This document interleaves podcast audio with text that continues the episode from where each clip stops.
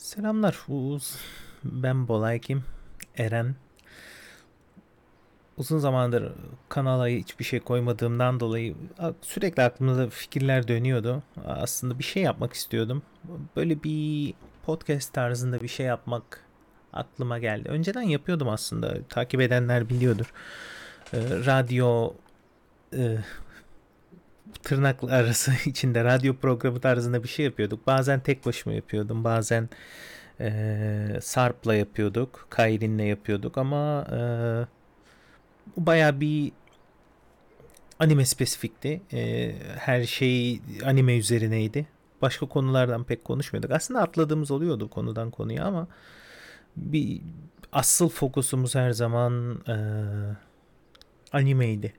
Ama benim aklımda her zaman kendi kendime arkadaşlarımla da konuşurken hep böyle farklı alanlara da ilgi gösteriyorum. Özellikle son zamanlarda Discord linki e, belki videonun e, belki değil linki videonun altına koyarım.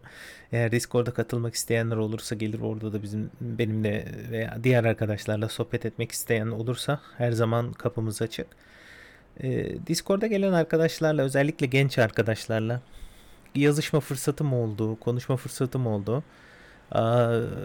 Aslında deneyimlerim de, yani çok deneyimli ve başarılı veya e, tavsiye verecek bir biri gibi görmüyorum kendimi ama arkadaşlarla konuştukça bazı verdiğim ne bileyim deneyimlerimi paylaşıyordum sadece özel bir şey değil. Ama faydası olduğunu gördüm. Bazı arkadaşlar bir şeyler yaptıklarını e, ve yani ben benimle konuşmalarının ardından motive olduklarını ve bir şeyler yaptıklarını hayatını daha iyi duruma getirdiklerini söylemişlerdi. Kaç kere söylediler.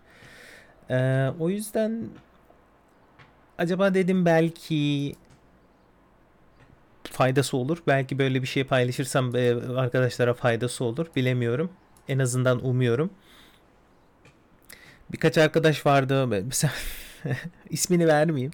Kendisi dinliyorsa bilecektir. Bazı arkadaşların e, başka abilerini hatırlattığımdan dolayı başka bir e, adım Eren olmasına rağmen birinin Ahmet abisi oldum. Beni sürekli Ahmet abi olarak sesli. Bana sürekli Ahmet abi olarak hitap ediyor. Ama faydasını gördüğünü umuyorum. Benimle konuştuk yaptıktan sonra bir hayatının daha iyi olduğunu, daha iyi şeyler yapmaya çalıştığını umuyorum. Fa- kendimde şunu gördüm diye bir, bir sürü insanla konuştuktan sonra bazı gereksiz gerekli gereksiz bilmiyorum insanlarda bir motive e, motivasyon ruhu uyandırdığımı fark ettim.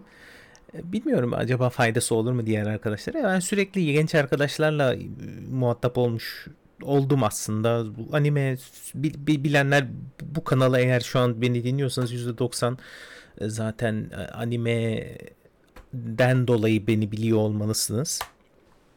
Eğer başka sebeplerden dolayı beni biliyorsanız ne mutlu bana. Ama e, anime ile bu e, anime ile aslında kendimi bu ne bileyim YouTube vesaire gibi yerlere attığım için ilk anime şemsiyesi altında attığım için bilenler ondan dolayı biliyor. Ondan dolayı da e, bir sürü genç arkadaşla e, iletişim kurma imkanım oldu. Bu arada e, öncelikle bazı konularda da şu, bir disclaimer tarzında bir şey söylemek istiyorum. E, uzun yani son 3-4 senedir yurt dışında yaşadığım için Türkçemde büyük bir gerileme var. Arada sürekli ı'ların sebebi o. Düşünüyorum aslında nasıl doğru şekilde söyleyebilirim. Bir sebebi bu. Diğer sebebi de zaten başlangıçtan itibaren Türkçemin iyi olmaması. O ayrı bir problem.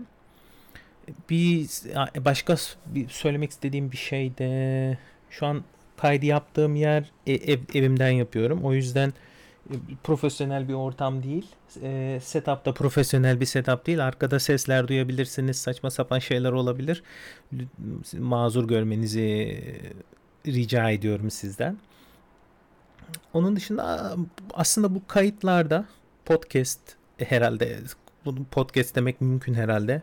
Artık radyo programı şeyin tarzında yapmayı planlamıyorum. Sadece böyle konuşmak istiyorum aklıma ne gelirse belli konular etrafında özellikle benim takip ettiğim ne bileyim YouTube olsun, farklı kanallarda olsun bir sürü izleyip bilgi edindiğim yerlerde e, arkadaşlara işte şu an bulunduğum noktaya nasıl geldim? Eğer siz bu böyle bir noktaya gelmek istiyorsanız tabii ki veya e, neler yapabilirsiniz alternatif olarak kendinizi nasıl geliştirebilirsiniz? Bu konularda belki biraz konuşabilirim, belki biraz fayda sağlayabilirim diye düşünüyorum. Tek amacım e, kesinlikle arkadaşlara biraz bir umut vermek. Bu umutsuzluğun şu an biraz yaygın olduğu bir dönemdeyiz ne yazık ki. Ama her şeyin yine sizin elinizde olduğunu, her şeyin değil ama yüzde doksan, yüzde seksen diyebilirim. Her şeyin sizin elinizde olduğunu, e, bunları nasıl yaptığımı, ben benim nasıl elde ettiğimi, e, sizin nasıl elde edebileceğinizi belki bir konuda bu, bu, bu konular çerçevesinde belki yardımcı olabilirim diye düşünüyorum. E, benim yapmayı düşündüğüm, yani gitmek, takip etmeyi planladığım format şu. Özellikle başlangıç olarak e, ben nereden başladığımdan ben önce kendimden bahsetmek istiyorum. Çünkü şöyle bir, bir yöntem ben hayatım boyunca takip ettim ve faydasını olduğunu gördüm. E, bir sürü konuda başka insanların hatalarından ders alarak o hataları yar, tekrarlamamaya çalışarak şu an geldiğim noktaya geldim. Ha, geldiğim nokta güzel bir nokta mı? Bunu tamamıyla size bırakacağım. Çünkü ben nerede olduğumu size anlatacağım. Buraya nasıl geldiğimi size anlatacağım. Hayatımda bu nok dönüm noktalarında neler düşünerek neler yaptığımı anlatacağım. Bu size tamamıyla yardımcı olabilir, olmayabilir. Bunları tabii ki bilemiyorum. Ee, ama e, yaptığım şeylerden bir tanesini, "Ha bu belki mantıklıymış." deyip siz de yapmaya başlayıp bir fayda görürseniz ne mutlu bana. Ee, amacım bu genel olarak yani aslında yapmayı yani e, elde etmek istediğim sonuç bu. İnşallah size bir faydası olur. Ee, hep genç arkadaşlardan bahsediyorum. Büyük ihtimalle sürekli yıllardır genç arkadaşlarla konuştuğum için bunu da tekrarlıyor olacağım. Ama söylediklerim kesinlikle genç arkadaşlara e, has bir şey değil. 30 yaşında 40 yaşındaysanız da size faydası olabileceğini düşünüyorum bazı konuların. Özellikle e, finansal konulara değindiğimizde e, belki finansal olarak nelere dikkat edebileceğimizi e, nelere dikkat edecek derken nasıl alışkan nasıl sağlıklı alışkanlıklar geliştirebiliriz nasıl sağlıklı alışkanlıklarla finansal olarak bir nevi daha iyi bir noktaya gelebiliriz finansal olarak gelirinizi nasıl arttırabiliriz tarzında şeyler olacak tabii ki ilerleyen bölümlerde aklımda olan konulardan bir tanesi de bu. E, tabii ki konular konusunda her zaman e, öneriye açığım. E, lütfen yorumlar kısmında kesinlikle e, bahsetmek yani önerilerinizden lütfen sakınmayın. Her her şekilde e, bu konuları da en azından sizin önerilerinizi değerlendirmek isterim. Eğer o konuda bir bilgim varsa, eğer be, benim bilgim size eğer değerli olarak gözükecekse tabii ki o konuda konuşmak da isterim. Öncelikle e, hiçbir konuda uzman olmadığımı, sadece kendi hayat deneyimlerimi paylaşacağımı söylemek istiyorum. Uzman olmadığım alanlarda uzman olmadığımı vurgulayacağım tekrar ve tekrar. Çünkü bazı finansal konular olacak ileride belki konuşacağız benim yaptığım şeyler var. Benim deneyimlediğim şeyler var. Kesinlikle size yapın diyemiyorum. Yapın demeyeceğim de. Ama belki deneyebilirsiniz. Çünkü benim kendi yaptığım, benim şu an gün ve gün yaptığım işler olacak bunlar. Hayatıma entegre ettiğim e, davranışlar veya e, daha işte alışkanlıklar diyebiliriz. Size faydası olursa ne ala, olmazsa da benim yaptığım hatalardan ders alıp daha iyisini yapmaya çalışmanızı öneririm. E, bu şekilde amaç her gün daha iyi olmak, her gün daha iyi e, bir noktaya gelmek. Amaç bu olmalı. Evet, nereden başlayalım? Öncelikle ben kendimden biraz bahsedeyim. Belki o yıllar boyunca konuştuk. Yani benimle takip eden arkadaşlar bileceklerdir. E, ama özellikle yani çok kendimle ilgili çok fazla bilgi vermedim. Sadece işte web sitesiyle ilgili ne yaptığımızla ilgili vesaire konuşuyorduk. Ben kendi hayatımdan biraz bahsedeyim. En azından bu bölüm bu, bu şekilde olsun. Önümüzdeki bölümlerde belki bazı noktalara nasıl daha yani nasıl elde ettiğimi, neler yaptığımı biraz daha detaylı bir şekilde konuşabiliriz. Benim 30 1987 doğumluyum. Mayıs ayında Boğa burcuyum. Adım Eren. Ee, 87 doğumlu olunca bilmiyorum kaç yaşında oluyorum. Sanıyorum 35'e girdim bu sene. Mayıs ayında da yeni geçen geçen aylarda doğum günümü kutladık. İstanbul'da doğdum, büyüdüm. İstanbul'da nasıl diyelim hayatımın %90'ını İstanbul'da geçirdim diyebilirim. Türkiye'de doğma büyüme tabii ki biriyim ama e, İstanbul'dan çok fazla dışarı çıkmadım. Annemin tarafı Bursalı, babamın tarafı Kayserili olmasına rağmen hayatımın çok büyük bir bölümü İstanbul'da geçti. Bayramdan bayrama Bursa'ya genelde gidiyorduk. babamın bütün akrabaları neredeyse İstanbul'da. Kayseri'ye hayatımda bir kere gittim. O iki günlük bir geziydi. Aile gezi, aile ailece gitmiştik.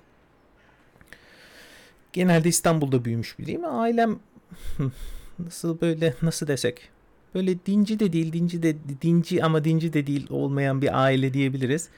Yani e, dinine bağlı annem babam dinine bağlı abim de annem de babam da çok dinine bağlı insanlar. Ama gençliklerinde biraz öyle değillerdi tabii ki olay farklıydı. Babamın mesela küçüklüğümde biraz içki içtiğini hatırlıyorum.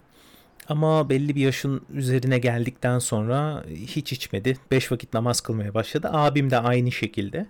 Ee, o bu şekilde yani gençliğinde içen ama sonrasında beş vakit namazını kılmaya başlayan biri. O ben hiçbir zaman çok fazla dine bağlı olmadım. Ama hiçbir zaman da çok fazla içmedim de. Hani nasıl der nasıl bilmiyorum size bırakıyorum nasıl kategorize ederseniz beni o konuda.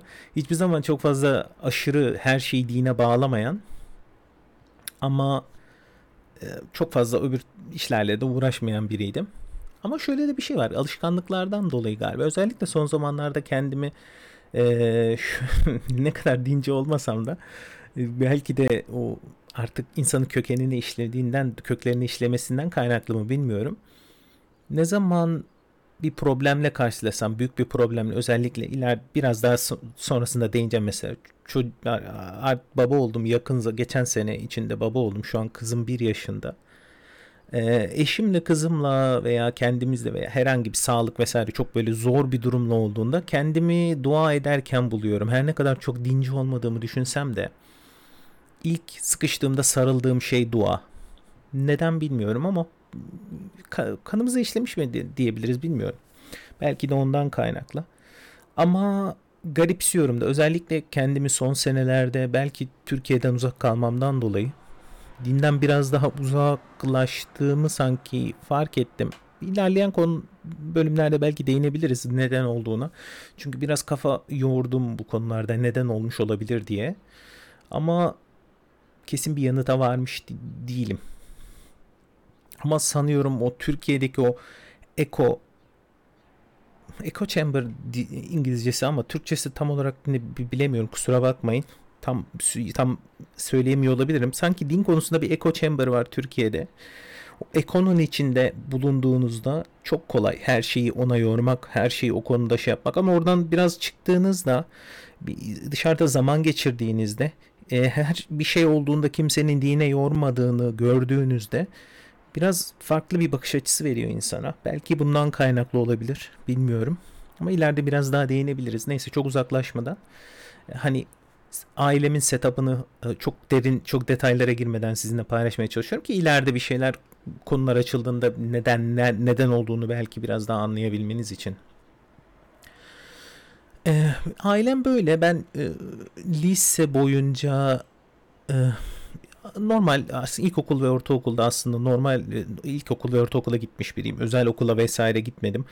Ee, anaokuluna da hiç gitmedim. Direkt birinci sınıftan başladığımı hatırlıyorum.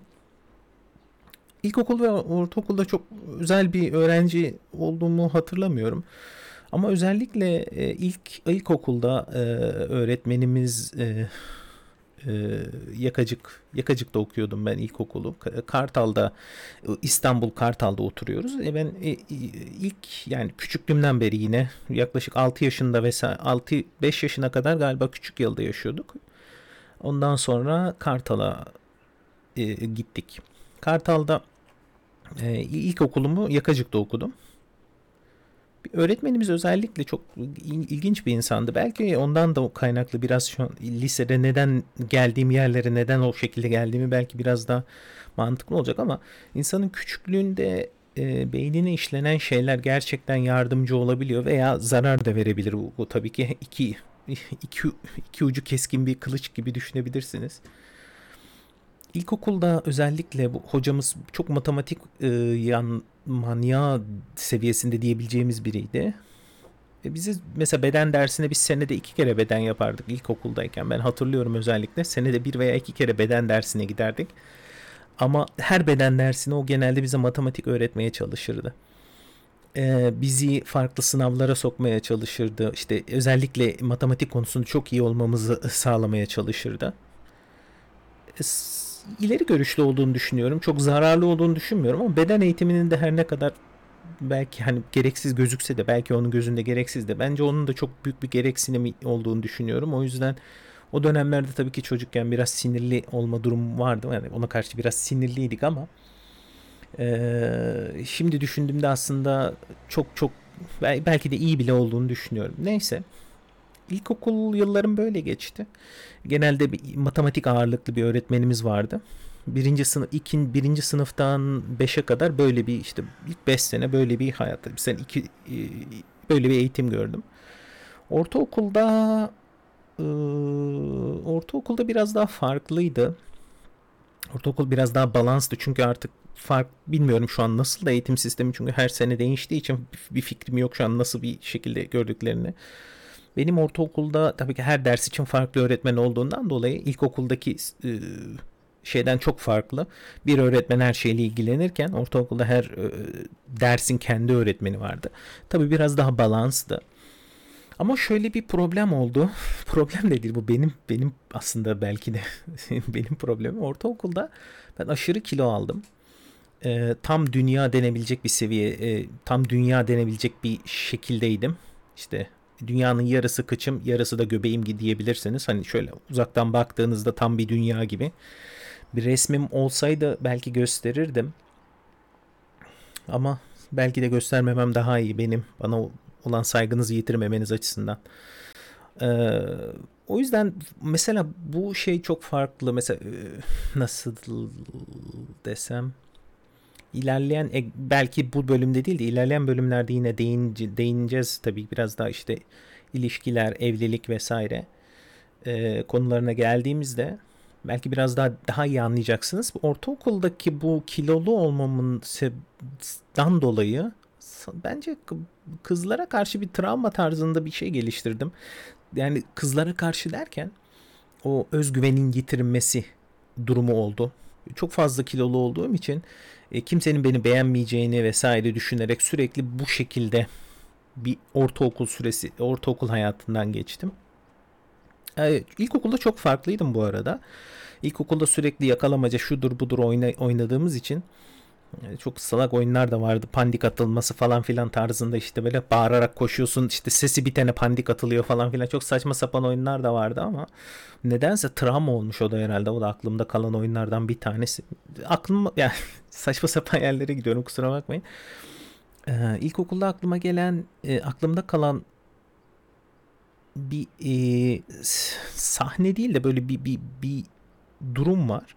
Mesela ilk ilkokuldayken kendimde o özgüven konusunda bir problem olmadığını bir şekilde an, anlıyorum. O, o, o e, hatıramdan kaynaklı. Güzel bir kız vardı. İsmi de Beyza'ydı. Şu an e, kendisi yine güzel tabii ki. E, şu an evlendi, çocuğu var. E, arkadaşıma o dönemde ben onu güzel buluyordum tabii çocukluk. E, hatta sonradan ortaokul zamanımızda görüşmüşlüğümüz vardı. Ee, mesela Beyza'ya gidip e, o dönemler işte çıkma teklifi ondan hoşlandığımı, çıkma çıkmak istediğimi vesaire o yaşlarda işte ne derseniz adını çıkma çıkma mı diyordum bilmiyordum onu bile hatırlamıyorum.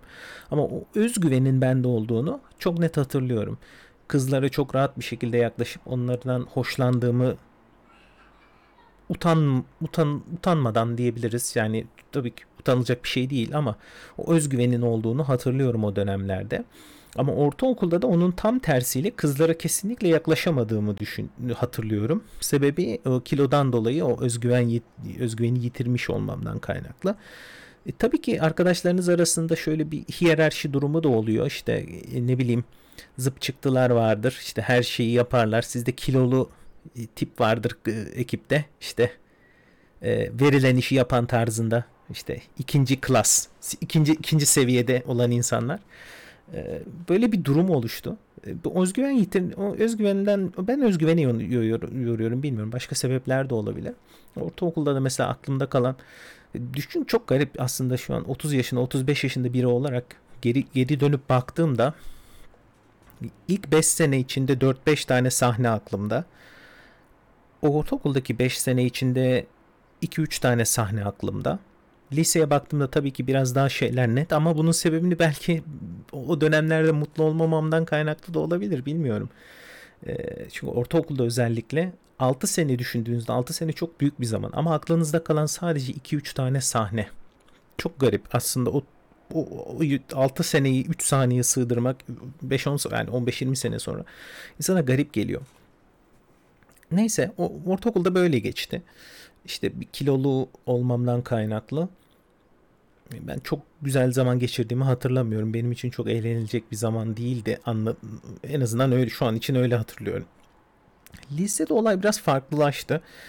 Ee, ben de şöyle bir şey vardı. Özellikle belki ilerleyen şeylerde belki biraz daha size bilmiyorum faydası olur mu olmaz mı ama e, ben ortaokuldan itibaren abimden kaynaklı da olabilir bu bilmiyorum. Şu an düşündüğümde belki aklıma geldi. Belki ondan da kaynaklı olabilir. Ee, özellikle İngilizce şeylere çok fazla ilgi göstermeye başlamıştım. Özellikle İngilizce şarkılara. O zamandan beri bilmiyorum. E, Türkçe şarkıları dinlerken o hazı belki çok böyle o işte karizmatik e, gelmiyordu belki de Türkçe şarkı ha, falan deyip belki ondan da bilmiyorum. Ama İngilizce şarkı dinlemek, İngilizce e, şeylere okumak vesaire hoşuma gidiyordu. Özellikle abim o dönemde Metro FM vardı. Bilmiyorum biliyor musunuz? Genç arkadaşlar bilmiyor olabilirdi. Ben hala var da Metro FM vardır belki bilmiyorum şu an bakmadım. %90 vardır. Metro FM'in o döndürdüğü bir, bir sürü işte dönüp dönüp çaldığı şarkılar vardı. Abimin mesela onları kasetlere kaydettiğini hatırlıyorum kendi çok severdi. Ondan o kasetleri ben de kopyaladığımı, kendime aldığım işte o zamanlar Walkman vardı. Walkman'e takıp dinlediğimi vesaire hatırlıyorum. Çok hoşuma gidiyordu. Hiç ama hiçbir Türkçe şarkı için şarkıcı için veya bunu yapma gereği hissetmedim. Sebebini bilmiyorum. Ama o zamandan beri bir İngilizce konusunda bir ilgi vardı. Benim tarafımda. O, ondan sonra işte lise başladı. Lisede olay bayağı bir değişti. Arkadaş ortamım da çok farklıydı. Lisede e, süper liseye e, katıldım.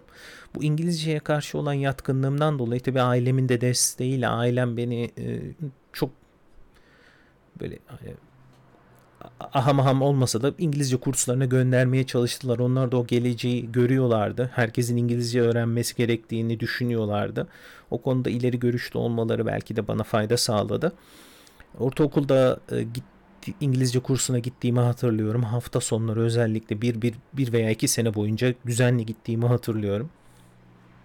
Çok bir faydasını gördüğümü sanmıyorum ama e, grameri işte o bilgiyi taze tutma açısından bunların önemli olduğunu düşünüyorum. Çünkü İngilizce ne kadar eğitim çok iyi değildi yani o açıdan. Ortaokulda ne kadar İngilizce öğretiyorlar. Haftada bir ders falan alıyorduk. Ama lisede biraz daha benim bu İngilizceye olan ilgimden dolayı da e, ve biraz daha kendimi geliştirip hoşuma da gitmesinden dolayı İngilizceyi biraz daha ağırlı tut, ağırlıkta tutmak istedim ben. Ailem de buna destek verdi. Ve Anadolu Lisesi veya Fen Lisesi'ni kazanacak kadar iyi değildi notlarım. Ama süper liseye gittim. Ee, şeyde e, bu Kartal Uğur Mumcu'da oturuyorduk. İşte Uğur Mumcu'da bir tane lise var. Hacı Hatice Bayraktar Lisesi. Bilmiyorum biliyor musunuzdur yaşayanlar, bilenler varsa. Ee, herkese selam olsun. Orada olanlar varsa herkese selam olsun. Orada e, süper liseye gittik. E, gittim. O çok büyük bir fayda sağladı. Özellikle benimle aynı kafa yapısında, benimle aynı şeylere ilgi gösteren insanlarla orada bulunmak e, İngilizce özellikle konusunda büyük fayda sağladı. Ama e, orada da tabii ki bu size söylediğim sebepten dolayı olabilir. İlkokuldaki o be, beyin yıkamasından belki kaynaklı olabilir. Lisede e, ma, sayısal bölüme gittim. Matematik matematikte her zaman çok kötü değildim. O, belki o işte dediğim gibi belki o hocamın etkisiyle de olabilir. E, her zaman e, matematikte ortalamanın üzerinde bir insan. Neyse lisede süper liseye e, gittim. O konuda İngilizce o dönemlerde İngilizceye daha fazla ilgi göstermeye başladım. Artık tabii telefonlar çıkmaya başladı. Biraz daha işte iPod'lar vesaire vardı yanlış hatırlamıyorsam. Daha dijitalleşme devam ediyor. O zamanlar e, mesela Ericsson T20 T29 muydu? T20 miydi? Bir telefon vardı böyle bastığınızda kenarına kapağı açılıyor. Mesela ilk telefonum oydu benim. Onu da lise 3'te almıştım galiba. O zamanlarda bilmiyorum ne kadar yaygındı. Ama telefonlar, cep telefonları yavaş yavaş artık böyle gençlerin eline o zamanlarda düşmeye başladı. O zaman çok daha niş bir şeydi böyle. Herkesin elinde olmayan işte zengin insanların sahip olabildiği bir şeydi cep telefonu. Zengin de değil de yani biraz kalburüstü o yaşayan insanların sahip olduğu bir şeydi. Ama benim lise 3, lise 4 seviyelerinde artık herkesin eline düşmeye başladı yavaş yavaş. İşte o Nokia 33 onlar vesaire işte odun gibi telefon vesaire o duvarı kırabileceğin telefon bilmiyorum hala var mı o mimler etrafta dönüyor mu ama o telefonların çok popüler popüler olduğu bir dönemdi. Ama o zaman da şöyle bir şey vardı mesela. Ee, belki ise, yine bilmiyorum belki de e, bu ilgiden dolayı olabilir. Mesela ben telefonumu özellikle hatırlıyorum. Hayatım boyunca bütün arkadaşlarımdan da bu bu yorumu aldığım için e, belki bahsetmek istiyorum. Hayatım boyunca telefonu mesela hiç Türkçe kullanmak istemedim ben. Hep kendimi kendimi sürekli İngilizceye e, sebebini bilmiyorum neden. Ama belki de karizmatik olduğundan dolayı o zamanki yaşlarda ama telefonu İngilizce konuşuyorum, kullanıyorum vesaire. Belki ondan dolayıdır bilmiyorum. Olabilir her şey her şey olabilir ama özellikle bir sürü konuda kendimi İngilizce konusunda sürekli e, İngilizceye maruz bırakıyordum. Bir şekilde telefon olsun, konuşmalar olsun. Mesela o dönemlerde e, evde bizim evim, evimde benim bilgisayarın olması üniversitenin ikinci, üçüncü seviyesi yılında aslında ikincisi ikinci yılından itibaren benim evde bilgisayarım oldu. O döneme kadar evde hiçbir bilgi, hiç bilgisayarım olmadı. Ama İngilizceye karşı olan o ilgim de hiçbir zaman aşağı hiçbir zaman azalmadı. Özellikle şarkılar konusunda Coldplay mesela çok severdim. Hala da çok severim. Coldplay'i sürekli dinlerdim. Red Hot Chili Peppers'ı sürekli dinler dinlerdim. Çok sevdiğim gruplarda. Onun dışında Metallica'yı tabii ki gençler o dönemlerde bilmiyorum neye ilginiz var mı? Rock müzik, metal müzik o, o tarz şeylere çok hoşuma giderdi her zaman. Ama tabii ki Coldplay tarzı müziklerde her zaman dinlerdim. İşte Aa, bu şarkının sözleri nedir, Aa, şu nedir, bu nedir derken işte sürekli dinleye dinleye o insanla biraz o, o şeyi canlı tutuyor. E, neyse yıllar böyle geçti. İşte, şeyde özellikle e, mesela çok basket oynamaya başladım. Lisede çok fazla basket oynamaya başladım. Arkadaşlarım da dan öğrendim. Basket bildiğim veya hoşuma giden bir spor değildi. Özellikle benim 4-5 tane arkadaşım vardı. E, Kartal'da bir e, okuldan gelen. Hepsi orada orijinal olarak okulda da aynı şekilde aynı sınıftalarmış. E, Süper Lise'de de aynı sınıfa geldiler o arkadaş grubunun içine girerek o sıcak ortama girdikten sonra işte onların o sürekli basket oynadığını öğrendim. İşte onlarla zaman geçirmek istediğim için tabii ki arkadaşlarım sonuçta. Ben de basket oynamaya başladım. İşte o, o dönemde gerçekten bir boy atma durumu oldu ve zayıflama durumu oldu. O dünyalıktan normal insanlığa dönme süreci benim birinci lise birde gerçekleşti. Çok faydasını gördüm. Gerçekten basket konusunda kesinlikle herkese öneririm. Herkes kesinlikle herhangi bir sporu öneririm genç arkadaşlara. Veya genç olmasa da her, her herkese e, her, her şekilde öneririm. Ama basket benim için o spordu. Gerçekten en çok zaman harcadığım spordu. Günde öğlen aralarında işte bir saatlik yemek arası olduğunda öğlen yemek arasından önceki teneffüste mesela yemek yediğimizi işte sandviç getirirdik evden. Sandviç yediğimizi e, öğlen arasında sadece basket oynadığımızı e, okul çıkışında da benim o, arkadaşlarım Kartal'da oturduğu için onlar evlerine dönüyorlardı servisle vesaire.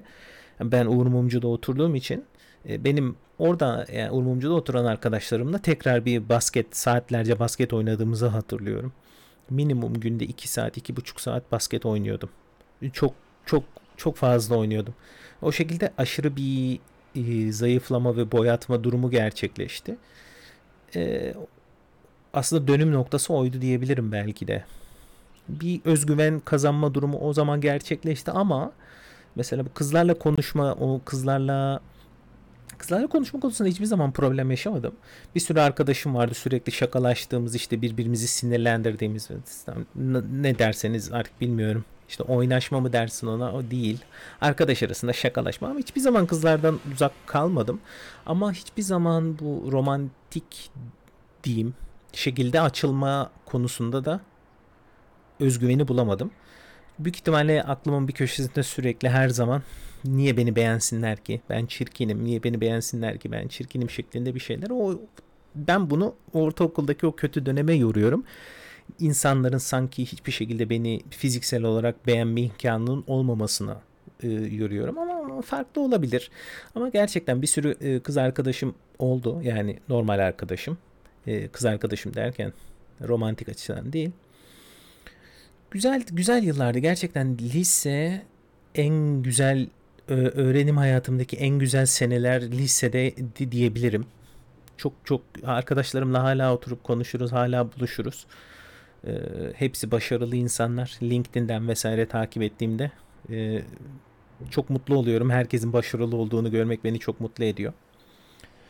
E, ondan sonra üniversite hayatı başladı. E, şeyde bahsetmiştim çok sınavda çok yüksek bir not alamadığım için işte Anadolu veya Fen Lisesi'ne gidemediğimden dolayı Süper Lise'ye gittiğim bir söylemiştim.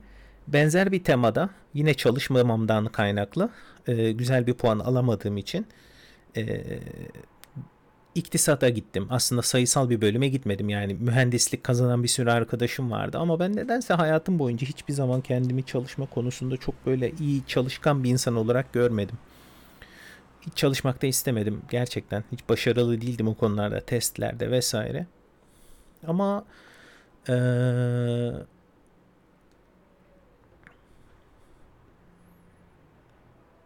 bir şekilde iş hayatında farklı şeyler oldu ki onlara değineceğiz ileride.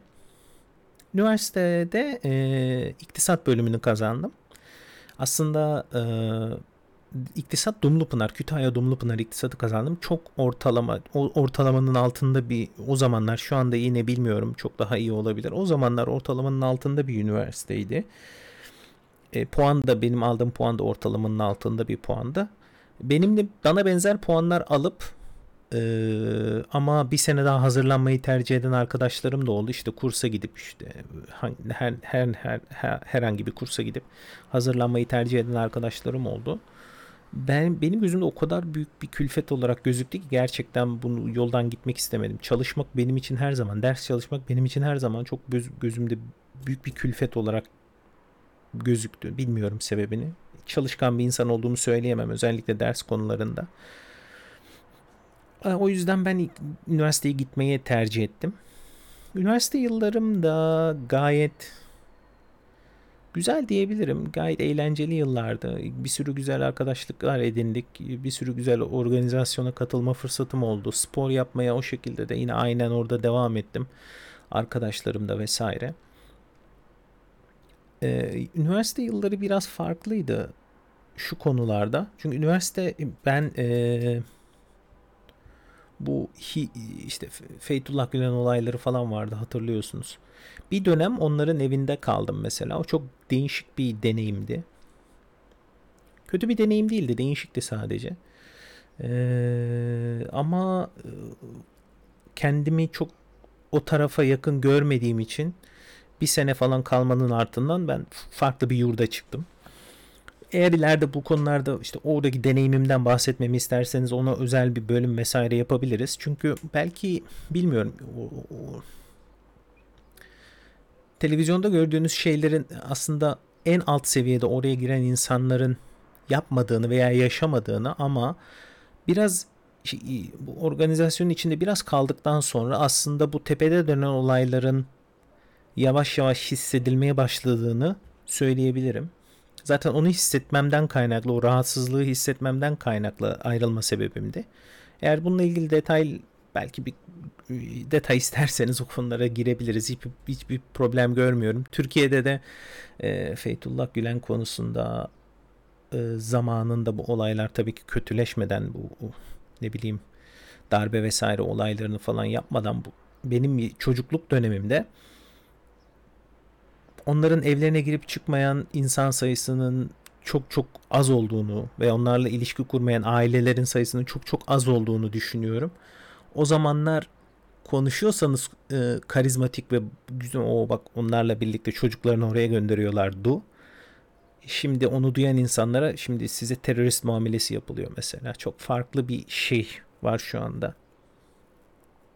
Ama e, gerçekten köküne indiğinde belki ilk orada onlara evlerine giden çıkan insanların kötü niyetli olmadığını bilmemelerinden kaynaklı ama içinde uzun süre kalan insanların aslında ne yapmaya çalıştıklarını görebildiklerini düşünüyorum.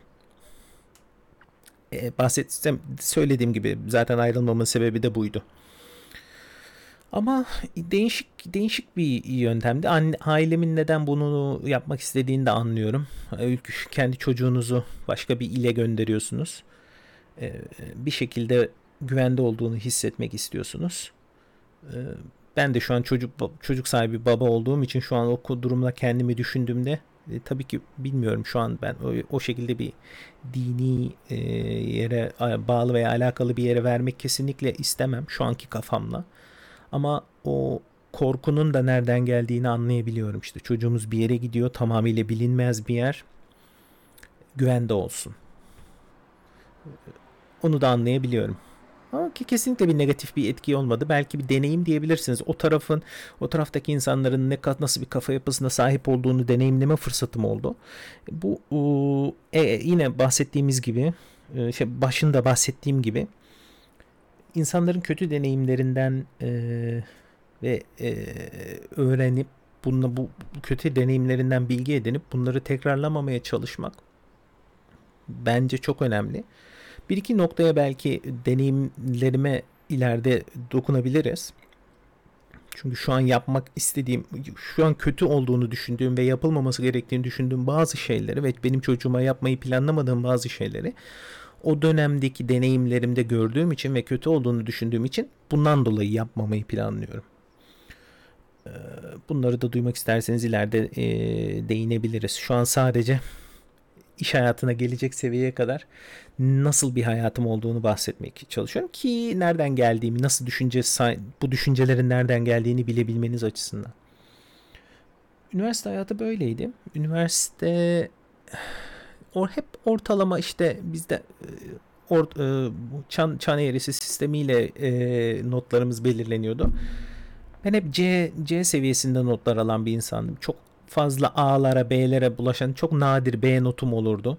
Genelde hep C'ler, C, C artı, C eksi vesaire. Tam onları da hatırlamıyorum. Yani C seviyesinde olduğunu hatırlıyorum bir sürü dersimin. Hiçbir zaman ders konusunda başarılı olduğumu söyleyemem böyle bir üniversite hayatı geçti. E, genel olarak pozitifti. Üniversiteden ama şöyle bakarsanız üniversiteden e, arkadaşım olup da şu an konuştuğum insan sayısı bir veya iki. Liseye nazaran çok daha az. Sebebi ne bilemiyorum e, yine. Benden kaynaklı olabilir. Ama e, genel olarak özellikle şunu da bahsetmek istiyorum. Şey hani yine bilmeniz açısından özellikle ortaokuldan sonra mesela finansal konuda bizim ailemizin hep sıkıntıda olduğunu biliyorum. Ee, özellikle iş hayatına başladığım dönemlerde geldiğimizde belki şu an baktığımda 40 dakikalara yaklaştığımızı görüyorum.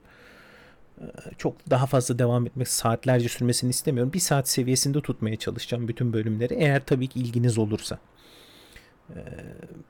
Bir saatlik bölüm e, içerisinde işte ne kadar konuşabilirsek vesaire. İşte bu üniversite döneminden özellikle üniversitede e, babamın ve ailemin sürekli bir e, finansal olarak sıkıntıda olduğunu hat, hatırlıyorum ve bir, bir büyük ihtimal büyük bir anlamda da deneyimledim. Özellikle çalışma hayatımın büyük bir kısmı bu konuda etkilendi diyebiliriz. O konulara bir sonraki bölümde değinmek istiyorum. Çünkü o tahminimce şu an beni dinleyen arkadaşların yüzde 70, yüzde 60, yüzde 70 diyeyim. Üniversiteye başlayacak veya üniversitede olduğunu tahmin ediyorum. Ne kadar doğru ne kadar yanlış bilemiyorum. Ee, o yüzden üniversiteden sonraki hayatın aslında belki biraz daha daha size fayda sağlayabilecek şey, şekilde bilgilere sahip olabileceğini düşünüyorum tabii ki her şey subjektif. E, kesinlikle hiçbir faydası da olmayabilir. Bu benim e, kendi fikrim sadece. Üniversitede böyle geçti. İşte bu sürekli bir finansal e, özellikle üniversite boyunca ve lisenin sonlarına doğru ve üniversite boyunca bu finansal sıkıntı bir sürekli takip eden bir team. Üniversite bittikten sonra da sürekli hayatımın parçası olan finansal sıkıntı sürekli hayatımın parçası olan yine bir team her zaman e, orada olacak. Bundan sonra bahsettiğim her konuda gerçekten finansal olarak sıkıntının olması bir sürü hayatımdaki deneyimlerim ve deneyimler deneyim tabii ki etkiledi. Fakat deneyimlerin dışında e, seçe, seçimlerimi de etkiledi. Evet.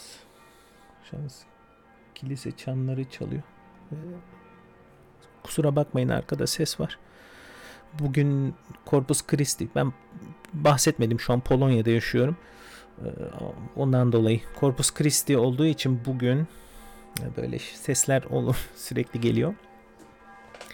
Neyse çok hızlı bir şekilde şu an nerede olduğumu işte bu şu an nerede olduğumu hayatımda nerede olduğumu bahsediyordum. İşte list üniversitede hayatımda böyle geçti. Üniversite hayatımdan sonra e, call center'da çalıştım. İlk işim call center'da bir bankada e, Yapı Kredi Bankası'nda call center'da çalıştım. Yaklaşık bir, bir buçuk sene olarak call center'da çalıştım. Bunları özellikle deneyim yani bu alanlara spesifik bölümler yapmaya çalışacağım. Şu an sadece üstün körü geçiyorum. Çünkü buradaki deneyimlerim bence size fayda sağlayabileceğine inanıyorum. Özellikle size derken yine genç arkadaşlara e, fayda sağlayacağına inanıyorum. Bir, bir buçuk senenin içinde gerçekten çok sıkın, çok fazla, çok güzel şeyler öğrenebileceğiniz bir e, iş olduğuna inanıyorum call center'ın. Ama bir, bir buçuk seneden fazla zaman harcanmamasını tavsiye ediyorum. Çalışabilirsiniz. Hoşunuza gidiyorsa kesinlikle. Bunların detaylarına önümüzdeki bölümlerde gireriz. Bir, bir buçuk sene çalışmamın ardından call center'da e, askerlik dönemine askerliği bir bahane olarak kullanıp işte iyi e, iyi, iyi yani aramız iyi olarak ayrılmak istedim o işi. Oradan çalışmak istemiyordum çünkü call center'da. Askerliği de bir bahane olarak kullandım bu şekilde. Askere giderken 6 aylık kısa bir askerlik e, yapıp hemen geri dönüp asıl daha güzel bir işe başlamayı planlarken askerliği yaparken askere başvurduktan sonra e, asteğmen olarak seçildiğimi öğrendim. O dönem için aslında belki finansal açıdan güzeldi. Çünkü asteğmenlere maaş ödeniyor. Ama e, işe iş dönemin yani iş hayatından uzak kaldığınızda bir gerçek. O deneyim önemli. İşte kaç yıllık deneyime sahipsin vesaire kısmı önemli. Onu biraz kaybetmiş oldum orada ama askerlik bana biraz o ciddiyeti öğretti, organizasyonu öğretti. Çünkü çok organize ve ciddiyeti bir çok çok nazik bir insanım ben. Hayatım boyunca her zaman çok nazik bir insan oldum. Kimseye bağırmışlığım yoktur. Kimseye emir vermişliğim yoktur. O askeriye bana biraz o o, o kısma biraz adım atmamı sağladı. Ee, yani ciddiyeti öğretti biraz diyebiliriz. Çünkü yaptığınız her şey aslında ciddi. Belki o dönem, askerlik dönemine de bir gün girersek belki oradan da size daha faydalı bilgiler de verebilirim. Çünkü askerlikte gerçekten farklı deneyimler edindim ve önemli deneyimler edindiğimi düşünüyorum ve kesinlikle herkesin askere gitmesini tavsiye ediyorum. Çok askerliği çok kötü olarak düşünmeyin. Aslında baktığınızda kötü bir deneyim. Ama öğrendiğiniz şeylere hayatınızda başka hiçbir yerde öğrenemeyeceğiniz şeyler. Onu da kesinlikle unutmayın. Askerlik bittikten sonra e, 6 aylık bir işsizlik dönemim oldu. Çünkü o da şu sebepten yani gerçekten e, CV'nize e, call center gibi bir damga vurulduktan sonra o onu kırıp yeni bir iş alanına atlamanız çok zor. Babamın e, iş, iş, iş yani finansal olarak sıkıntıda olduğunu söylemiştim. O dönem aslında o sıkıntının tap noktalara vardığı dönemdi ama e, 6 ay ben evde oturduğum halde babamın bana bir kere bile Eren niye çalışmıyorsun? Çünkü şöyle bir durum var. Siz aramıyorsunuz ama call center işi o kadar şey bir popüler bir işti ki o dönemde. Onlar sizi arıyor işte sürekli telefonlar alıyorsunuz. İşte e, Eren gel işte şöyle bir iş var düşünür müsün vesaire. Ben sürekli hayır diyordum. Kesinlikle call center'da devam, et, devam etmek istemediğimi biliyordum. Çünkü böyle bir askerlik arası verdikten sonra tekrar call center'a dönersem o o o grup o gruplamanın içinden çıkamay çıkamayacağımı düşünüyordum. Call center'da devam ederseniz call center'ın dışında bir yere gitmeniz imkansız. Gerçekten çok zor. Ben en azından benim için öyleydi. Sizi bilmiyorum. Ee, bundan dolayı bir 6 aylık bir işsizlik dönemi oldu. Aklınıza gelebilecek her işe başvurdum o dönemde. O dönemde asıl o dönemde de çeviri konusunda aşırı aktif olduğum bir dönemdi. Çünkü gerçekten yapacak hiçbir şeyim yoktu hayatımda. 3 tane aktif e, seri çeviriyordum o dönemde anime çevirisi yaparken. İşte Sankareya vesaire o dönemde mesela çevirdiğim animelerden biriydi. 3 tane haftalık anime çeviriyordum. Kalan bütün boş zamanımda da oyun oynuyordum. Oyun bu arada gerçekten çok önemli bir şey. Hayat bunu, bunu, bu söyle, bahsetmeyi unuttum. Ortaokuldan sonra hayatımın her döneminde bilgisayar oyunları benim fay, e, hayatımın parçası oldu. Bu bilgisayar oyunları belki de İngilizceye ilgi göstermemin bir sebebi de buydu. Çünkü bütün oyunlar İngilizceydi. Oyunu oynarken e, çözmek istiyorsunuz, anlamak istiyorsunuz, bitirmek istiyorsunuz. Bu beni sürekli e, sözlüklere bakma zorunluluğunda bırakıyordu. Aha burada bir şey diyor, bu neymiş? Aha burada bir şey diyor, bu neymiş?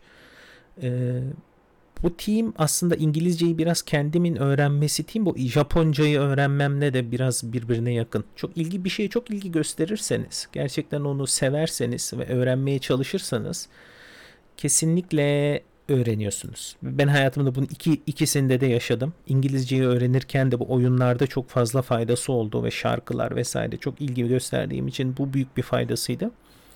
Japoncayı öğrenirken de animelerin çok büyük bir faydası oldu. Çünkü gerçekten öğrenip anlamak istediğinizde bir şey, zaman harcadığınızda bunu elde etmeniz daha kolay oluyor. İlgi ve sevdiğiniz şey yapmak en büyük en büyük e, e, parametre diyebiliriz bu konuda bence. Evet, e, neredeydim? Ee, sanırım evet işsizlik dönemi. Sürekli anime çeviriyordum o dönemde ve oyun oynuyordum. Ama babama bu konuda çok büyük saygı gösteriyorum. Çok büyük sıkıntı da olmasına rağmen finansal olarak gerçekten benim yardımıma ihtiyacı olmasına rağmen hiçbir şekilde bana e, baskı uyguladığını, Eren niye işe başlamıyorsun, git bir yerde çalış, evde niye oturuyorsun dediğini hiç hatırlamadım. Bir kere bile hatırlamıyorum. Annemin de babamın da anne ve babanın önemliliği burada çok aslında ilerleyen belki bölümlerde tekrar değiniriz. Çünkü aklımda çok fazla konu var. Değinmek istediğim çok fazla şey var. Bir bölümde bunların hepsini konuşmak istemiyorum. İleride bunları biraz daha detaylı konuşabiliriz. Ama onu çok çok çok net hatırlıyorum. Onlara büyük bir saygı duyuyorum bundan dolayı. Beni hiçbir zaman sıkıştırmadılar. Ondan sonraki dönemde Ee, gerçekten yine büyük bir şans diyebileceğim bir şey. Ee, uluslararası bir bankada e, tester olarak bir işte beni iş görüşmesine çağırdılar. Uluslararası bankanın da LinkedIn vesaire aslında bakınca göreceksinizdir ismime soy ismime bakarsanız. O yüzden çok da bir e, problem olduğunu düşünmüyorum. E, ama ben şu an burada bahsetmek istemiyorum. Uluslararası bir bankada tester olarak e, iş görüşmesine çağrıldım. Uluslararası banka olmasından kaynaklı beni çağıran yöneticim de e, Hindistanlı bir biriydi. E, yine hayatımda çok büyük etkisi olan bir insan. E, ilerleyen bölümlerde tekrar bundan bahsederiz. Bu gerçekten hayatımda büyük bir dönüm noktasıydı bana. Belki hayatımda hiç bu kadar şans verildiğini hatırlamıyorum. Hiçbir alanda çok başarılı olmayan bir insanın bu alanda bir şans verilmesi büyük bir benim için çok büyük bir şanstı. E, uluslararası bir banka olduğum ve yöneticimin e, Hindistanlı olmasından kaynaklı kesinlikle ve kesinlikle komünikasyonu sadece e, yani ilişki, ilişkiyi sadece İngilizce üzerinde kurabiliyorsunuz. Zaten yaptığım işte İngilizce sürekli İngilizce gerektiren bir işti. İşin temeli şuydu. İstanbul'da bir uluslararası bankanın İstanbul'daki hub'ında test ekibinde çalışıyordum. Ve benim testini yaptığım yani sistemde e, bankacılık sisteminde geliştirmeler yapılıyor vesaire. İşte e, devletlerden gelen gereksinimlere işte para ödeme sistemlerinin işte yıllık geliştirmeleri vesaire veya sistemdeki hataların giderilmesi adına e, tek, teknoloji ekibinin yaptığı değişiklikleri e, İstanbul'daki ekip test ediyordu ve bu testlerin sonucunda da e, işte production denilen, denilen bir e, alana bunları e, implemente ediyorlar. Yani asıl da production'da bu operasyon işlemi yapan, operasyon işlemi de bu ödemeleri düzelten ve ödemelerin yerine gittiğinden emin olan ekibe operasyon ekibi denir. Bu operasyon ekibinin karşılaştığı sorunları e, düzeltmek adına e, yapılan teknolojik değişikliklerin test edilmesi. Testi yapan ekipteydim ben. Gerçekten o dönem çok yani nasıl diyeyim hayatınız boyunca eğer 100 en sevi top seviyedeyse örnek veriyorum. Belki benim bu e, çok başarılı olmayan eğitim hayatımdan dolayı ben 10, 10'da 15'te başladıysam ve benim çok daha iyi seviyede bu iyi noktalara, iyi üniversitelere giden arkadaşlarım üniversiteden sonraki hayatlarına 35'ten başladılarsa benim bu önümüzdeki yani bahsettiğim bu bu Uluslararası Banka'da test ekibinde geçirdiğim dönemden dolayı çok intensif, çok çok aşırı zor ama çok aşırı öğrenmeye maruz kaldığınız kaldığım bir dönemdi. Benim o arkadaşlarım ilk 3 35'te e, üniversiteden mezun olan arkadaşlarımın 3 senelik iş hayatında belki 55'e ulaştıklarını varsayarsanız ben 15'ten başlayıp 50'ye geldiğimi söyleyebilirim. İlk 3 haya 3 senelik iş hayatımda, askerlikten sonraki 3 senelik iş hayatımda. Çok çok çok çok fazla şey öğrendim. Ee, İngilizceyi e, ana dilim gibi konuşabilecek seviyeye getirdim. Özellikle bir sürü aksanda, farklı aksanlarda konuşan insanlarla komünikasyon, iletişim sağlayabilecek seviyeye geldim. Çok büyük bir ilerleme sağladım hayatımda. Ondan sonra orada da bir ulaşılabilecek bir nokta vardı. Çünkü test ekibindesiniz ve Türkiye'desiniz. Ee, ondan sonra e, e, farklı bir yine lokal bir bankanın yine Türkiye'de bu sefer uluslararası değil ama Türkiye'de çalışan bir bankanın e, teknoloji ekibine geçiş sağladım. Bir iş analisti olarak. O zaman tester olarak başladığım iş hayatına şimdi bir iş analisti olarak devam ettim. 2-3 sene, 2 sene kadar bu şirkette çalışmamın ardından ee, benim o dönem o dönem aradaki dönemde benim e, ilk beni işe alan e, patronum Hindistanlı patronum Polonya'ya yine şirket içinde e, uluslararası şirket içinde Polonya'ya geldi e, ve Polonya'daki ekibinde e, bir pozisyon açıldığını iki sene sonrasında bana söyledi ve benimle çalışmaya devam etmek istediğini söylemişti. Bu fırsatı değerlendirerek Polonya'ya geldim. E, şu anda da aynı şirkette devam etmekteyim. Gerçekten uluslararası şirkete adım atmamın ardından hayatımda olan şeyler kesinlikle kesinlikle hayatımı 180 derece çevirdi. Karşıma çıkan bir sürü konuda bir, bir sürü konuda ilerlememi sağladı. Bunların hepsine hepsine de, değinmek istiyorum. Çünkü bazı arkadaşlara faydası sağlayıcı, fayda sağlayabileceğini umuyorum. Ve şu an Polonya'da hayatıma devam etmekteyim.